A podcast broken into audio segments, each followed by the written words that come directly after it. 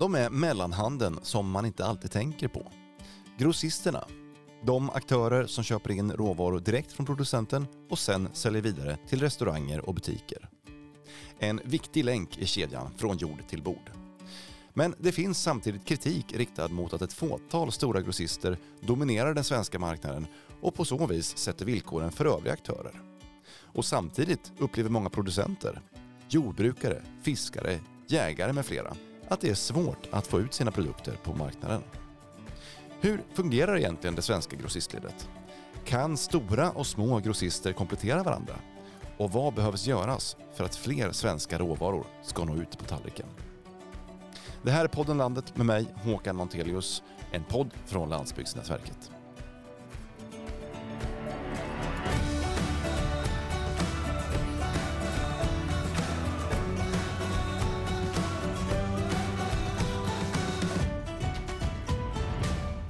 Med mig för att diskutera detta har jag dagens panel som jag säger hej och välkommen till. Till att börja med Hanna Vendin, agronom och miljökonsult. Välkommen till podden Landet.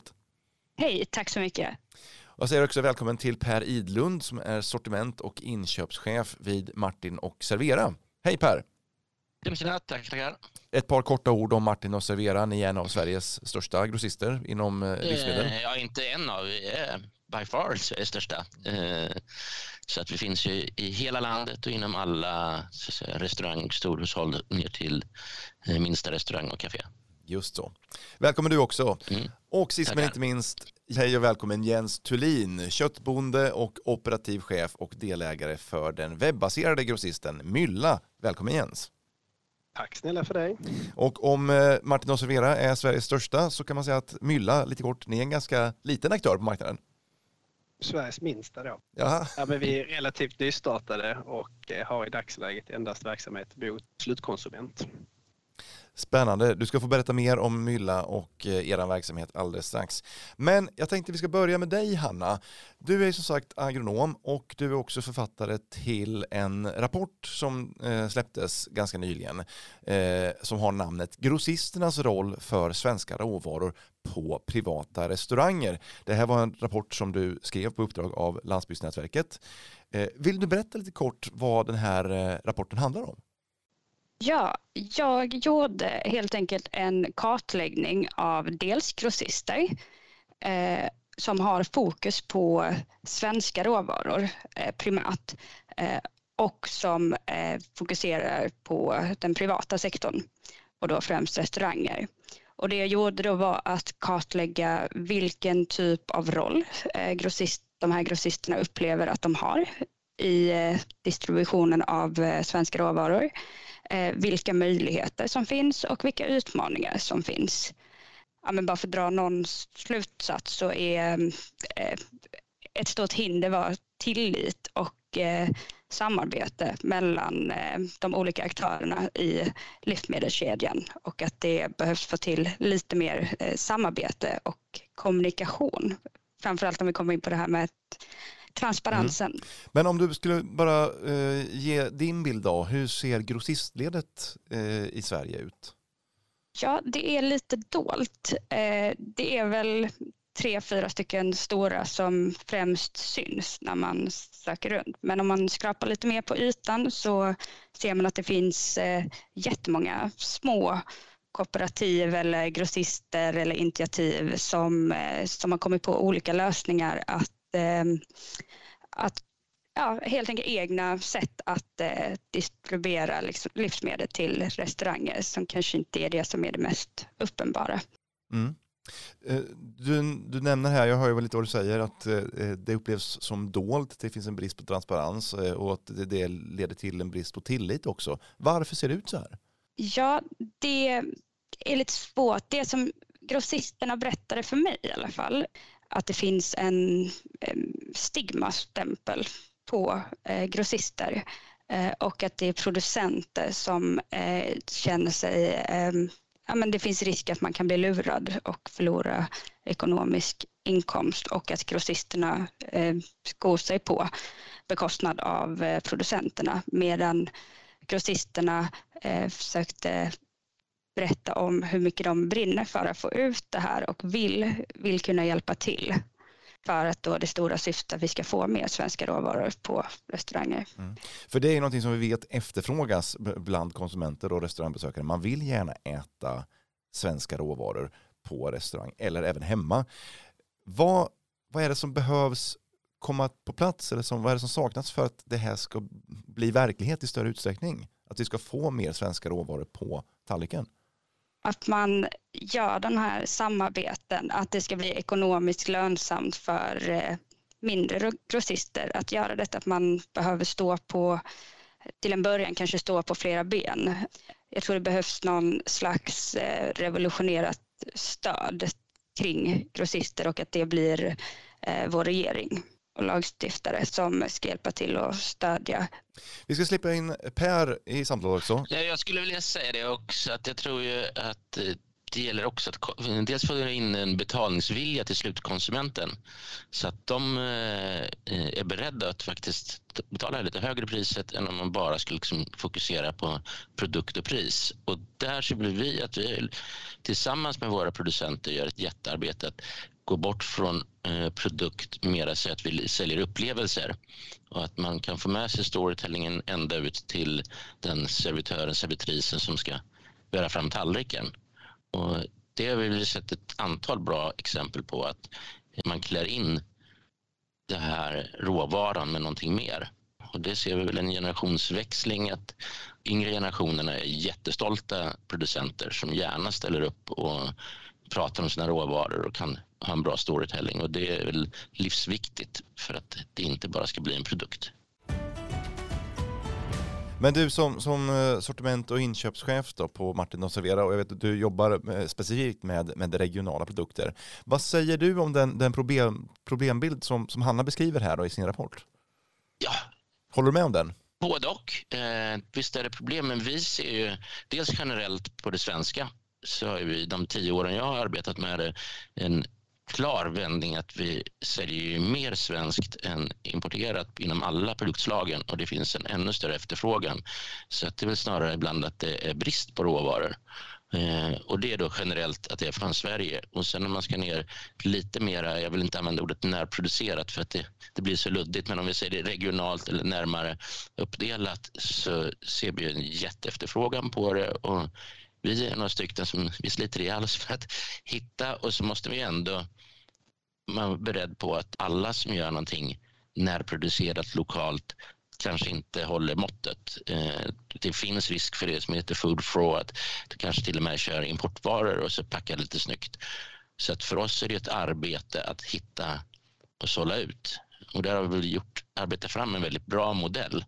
Och sen när vi har hittat de här producenterna så har vi en inarbetade roadmap där de kan få växa i sin egen takt. Och Jens, du är ju som sagt eh, eh, delägare och grundare av Mylla. Eh, du är också köttbonde utanför Svedala i Skåne. Men berätta lite kort om Mylla. Ni är en, en liten webbaserad grossist. Varför startade du det här? Ja men det stämmer och anledningen till att vi startade Mylla det var väl egentligen att jag såg att det fanns en sån frustration kring det som egentligen både Hanna och Per skriver eller är inne och berör. Den här eh, icke-transparensen eh, När jag har varit ute runt om i Sverige så har jag stött på så oerhört många tusentals primärproducenter som är liksom missnöjda med systemet. Man, ser, man uttrycker det som att man sitter i baksätet. Vi säljer våra fantastiska råvaror ofta rakt in i ett svart hål. Det är anonymiserat och vi vet inte var sakerna tar vägen som producent så är det ganska svårt att, i nuvarande system att äga kundresan så de mervärden jag skapar på min gård är svårt att liksom följa eh, i, i värdekedjan och, och i slutändan då kunna ta betalt för. Både ni två, eh, Jens och Per, ni är ju inne på det här med att eh, eh det, det, det, är svårt för, eller ni pekar på det här med bristen på, på storytelling och eh, att paketeringen är en del av problemet. Men är det så enkelt att om man som producent eh, paketerar om sin, sin produkt, sin råvara och brandar den på ett bra sätt så att man får en annan kundupplevelse. Är det det som är problemet här i, i, i det som Hanna lyfter i sin rapport? Eller finns det andra delar? Jag tror inte det är det som är grundproblemet. Sen är det en del av problemet, eller snarare ska jag säga en del av lösningen. För att det är inte så att man ska branda om och paketera eller jo, paketera kan man kalla det, men många producenter gör väldigt mycket bra. Gör fantastiskt bra saker men vi, kan vi inte sälja på det så är det som Per är inne på att då är det svårt att liksom jämföra produkter och då kanske det faller på en billigare, sämre producerat importvara för att man inte riktigt når ut med skillnaden. Det är jätteviktigt med storytellingen och man vill ha de här smakerna av en plats. Så går vi in på ostmejerisidan så är det klart att eh, lokalproducerade ostar de smakar verkligen olika från vilken del de kommer. Och där är det, ser vi inget problem och vi ser ju även så att säga, på grissidan att ja, gör man en vanlig pigghemgris så då är det svårt att få mer betalt för den. Men vi har gjort jättemycket satsningar med, mera lokalt med eh, lindrödsgrisar, ursprungsraser och sitter med i något som heter exceptionell råvara. Eh, vi hade igår ett smakmöte med producenter från hela landet eh, och det var 38 olika råvaror som alla ligger i toppkvalitet världsklass. Och det är klart att de kommer inte ha något problem att få sin för sina varor. Så att det är väl det. Eh, att man får hitta eh, liksom sin egen story och få med den på hela resan. Eh, alternativt att man är nöjd med att man säljer svenskt. För det finns jätteefterfrågan på det svenska. Och Jens, eh, ni är ju helt webbaserade eh, och som en uppstickare här på marknaden. Vad ser du för möjligheter och utmaningar med att se till att fler svenska råvaror hamnar på restaurangtallrikarna? Ehm, det vi jobbar aktivt med är ju transparens och spårbarhet. Att använda eh, digitala verktyg eh, och förbereder vår plattform för eh, till exempel blockkedjeteknologi för att kunna ha liksom, obrutna informationskedjor om var grejerna kommer ifrån. Det är den, och sen så transparens är den andra. Där det är ett stort problem med hela systemet idag det är ju den icke-transparens som finns. att ser att ju mer otransparent det är desto lättare är det att göra en bra lönsam affär. Men alltså jag, jag vill utmana den otransparens som finns där producenten står längst ner i ledet och har extremt lite makt och väldigt lite insyn i vad som händer och hur, hur betalningsflödena går. Är det just det som du, du menar är problemet när det gäller transparensen, att man som konsument inte vet vart pengarna tar vägen och vad det är man betalar för egentligen? Eller är det eh, transparens när det gäller ursprunget av produkten? Båda delarna. Men jag tror den som är mest effektiv för vår del eftersom jag bygger en plattform där producenten äger prissättningen så är pristransparensen den som jag tycker är intressantast att jobba med och den som jag utifrån de tusentals producenterna jag har varit i dialog med är eh, det som är mest efterfrågat. Hanna, vad säger du om, om den här transparensproblematiken? Du nämnde det tidigare också, men, men, men vad, är, vad är det viktiga här? Jag tror det är viktigt som eh, Jens säger att eh, det ska finnas plats för fler aktörer eh, som hjälper till att försöka motverka det här gömda och det dolda. Det lyfter de som, jag var i kontakt med de här mindre grossisterna att Ja, det är för få producenter i Sverige men det är absolut för få grossister som jobbar med att vara ett stöd som jobbar med att eh, belysa, eh, belysa hur eh, liksom leveranskedjan ser ut. Så jag tror absolut att det viktigaste är att det, finns, eh, att det ska finnas fler mindre grossister. Mm. Per, hur transparenta är ni på Martin och Servera? Väldigt ska jag säga eh, och speciellt när det kommer inom det här så säga, gebitet att när vi pratar om den stora livsmedelsindustrin så är det klart att vi prisförhandlar.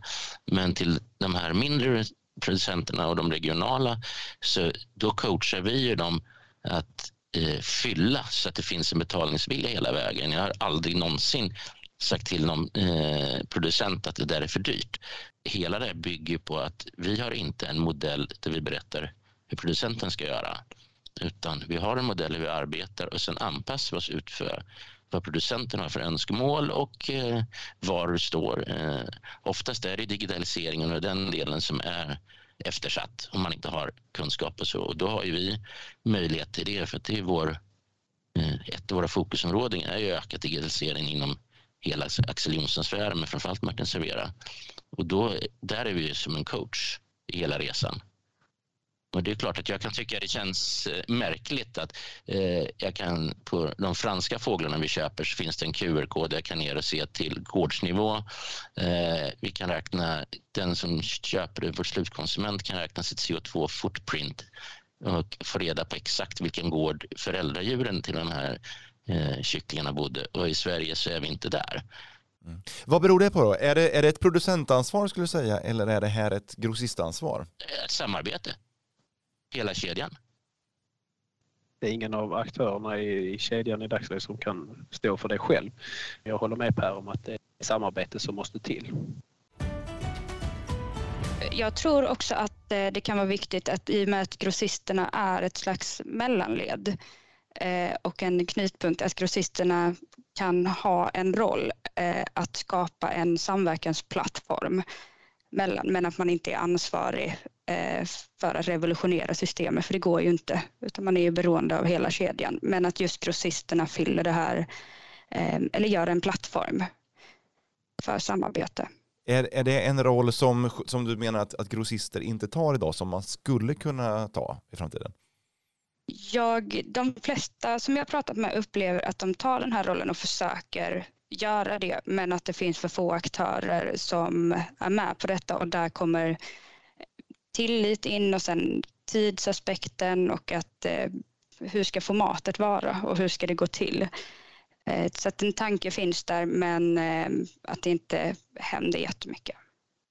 Nej, men där kan vi säga att från vår del, från Martin Serverat som marknadsledare rejält i Sverige och helt familjeägda av en privat familj så har vi ett jätteansvar att ta tag och leda den här utvecklingen och förhoppningsvis så kommer då de betydligt mindre än oss att eh, följa efter. Mm. Men ni som Sveriges största grossist då, eh, faller ett särskilt ansvar för er att eh, förbättra det här och, stötta producenterna? Ja, helt klart. Och det är det, så det är det vi jobbar med. Att svenska artiklar, det vet jag inte hur många tusen vi har, men det vi, om man går ner och kollar det vi har kallat regionalt eller smakriket. Så på e-handeln så ligger det över 1200 artiklar och snurrar nu och det fylls på hela tiden. Och Jens då, eh, nu får du representera alla mindre aktörer här då. Eh, eh, men, men vilken roll fyller ni i systemet då? Hur kan mindre grossister bidra och vad, vad, vilken skillnad gör, gör ni?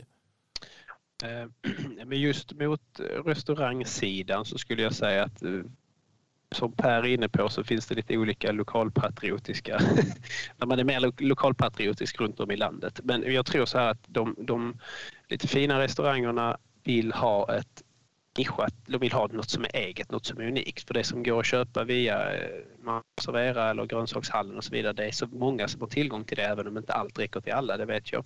Så tror jag att det finns en, en, eh, en nisch för oss mindre aktörer som jobbar med de producenter som inte passar riktigt in i det stora systemet. Så det som vi dockar på i vår plattform det är ju en logistiklösning också. För det är ju det som är fördelen och tittar vi på dagligvaruhandeln så är de stora jättarna där och man har stora centrallager och man har fulla lastbilar och det är hela pallar och så vidare. Men när vi kommer ner på den nivån när det är tre SRS-backar eller två lådor och så vidare då är det svårt att passa in. Det är ineffektivt och inte ekonomiskt försvarbart att hålla på. med. Så det tror jag är, där tror jag vi fyller en, en viktig roll för då finns det också för varje, varje restaurang i varje region i landet så finns det ett litet sortiment som passar in i, i det stora systemet. Om det nu var upp till er tre att eh, styra upp det svenska systemet så att det funkar så bra som möjligt för alla så att fler grossister gör att fler svenskproducerade varor når ut till de svenska konsumenterna. Då. Vad behövs då? Eller vad behöver olika aktörer göra om vi nu pratar producent, grossister, eh, samhällsinstanser som kommuner och eh, statliga myndigheter och restaurangkedjorna? Om vi börjar med dig Jens. Jag tror att vi behöver ha aktörer för vi kan inte sticka under stolen med jag vet inte ens vad Martin och Servera omsätter men det är många miljarder. Och om jag startar en liten restaurang idag eller ett café så är inte alternativen så många utan det finns tre, fyra stora aktörer att vända sig till. Och där är ett utbud som är så mycket mer än de här regionala grejerna vi pratar om just nu. Eh, det, det, jag tror vi kan göra extremt mycket där på hur den upplevelsen blir bättre, hur vi kan få storytelling och content och, och de mervärdena som jag varit inne på nere på gården förmedlas vidare så att sen i restaurangdelen i alla fall där krögarna kan ta det vidare mot sina besökare och sina gäster för att vi måste någonstans få någon att betala för det. Ehm. Per, vad säger du? Ja, jag, kan ju inte säga att jag håller med att vi behöver massor med fler grossister. Men däremot så behöver vi väl, vi ska ju alltid aldrig sätta oss ner och vara nöjda med det vi jobbar med, eh, speciellt inom det här med de mindre producenterna. För det är klart att en liten restaurang, de kanske vill ha ädeldetaljerna på nötboskapen, men alla de andra detaljerna, ja, de kan vi få ut i offentlig sektor. Så att vår storhet skulle jag inte säga är ett problem, utan snarare en möjlighet för de små producenterna att kunna få avsättning för hela djuret. Att vi går ju in och tar anatomiaffärer och det kanske inte en liten grossist kan gå in och säga det att men vi köper alla, hela dina djur. Om, och om du skulle efterfråga någonting då från säg eh, myndigheters sida, vad skulle det vara för att det skulle bli bättre? Ja, där har jag väl egentligen inga sådana quick fix på att det, det är skon utan snarare att slutkonsumenten blir mer stolt över våra fantastiska svenska råvaror. Eh, ja, skickar hälsningen till alla konsumenter där ute att var nyfikna, ställ krav eh, på vad ni, när ni handlar eller går på restaurang. Fråga vad det är ni får på tallriken och då kommer efterfrågan och då kommer vi få det i vårt knä från våra kunder att öka ännu mer. Jag tror jag skulle vilja skicka vidare också det till eh, kommunerna kanske som ska hjälpa konsumenten att fråga till exempel göra en webbsida där man listar olika producenter, mikrobryggerier, eh, lokala grossister, vad som finns regionalt eller lokalt eller om man vill använda ordet närproducerat i området. Och Jens, sista ordet här i podden går till dig då. Ja men då skulle jag väl vilja säga så när, om vi pratar med konsumenten så skulle jag säga ät svenskt lokalt i säsong och kasta mindre mat. Det är ett eh, bra sätt. Sen som sista sak där med, med precis som Per är inne på så finns det många mellanhänder som tillför oerhört mycket värde. En sak är att ta tillvara på alla detaljer och alla delar från ett djur. Men så som kedjan ser ut i dagsläget så, så ser vi att det är alldeles för många mellanhänder som inte tillför lika mycket värde som de tar av, av marginalen och det är de som vi ska bygga ett system för att inte passa in då. Jens Thulin, chef och grundare och delägare av eh, Mylla. Tack för att du var med i podden Landet. Tack snälla. Tack även Per Idlund från Martin Osservera och Hanna Vendin, agronom och eh, författare till rapporten Grossisternas roll för svenska råvaror på privata restauranger. Tack för att ni var med i podden Landet. Tack. Tackar Håkan. Och hela den här rapporten den hittar vi också på Landsbygdsnätverkets webbplats om du som lyssnar är intresserad att eh, fördjupa dig mer i den. Och med det var podden Landet slut för den här gången. Redaktör var Ingrid Whitelock och det här är som sagt en podd från Landsbygdsnätverket.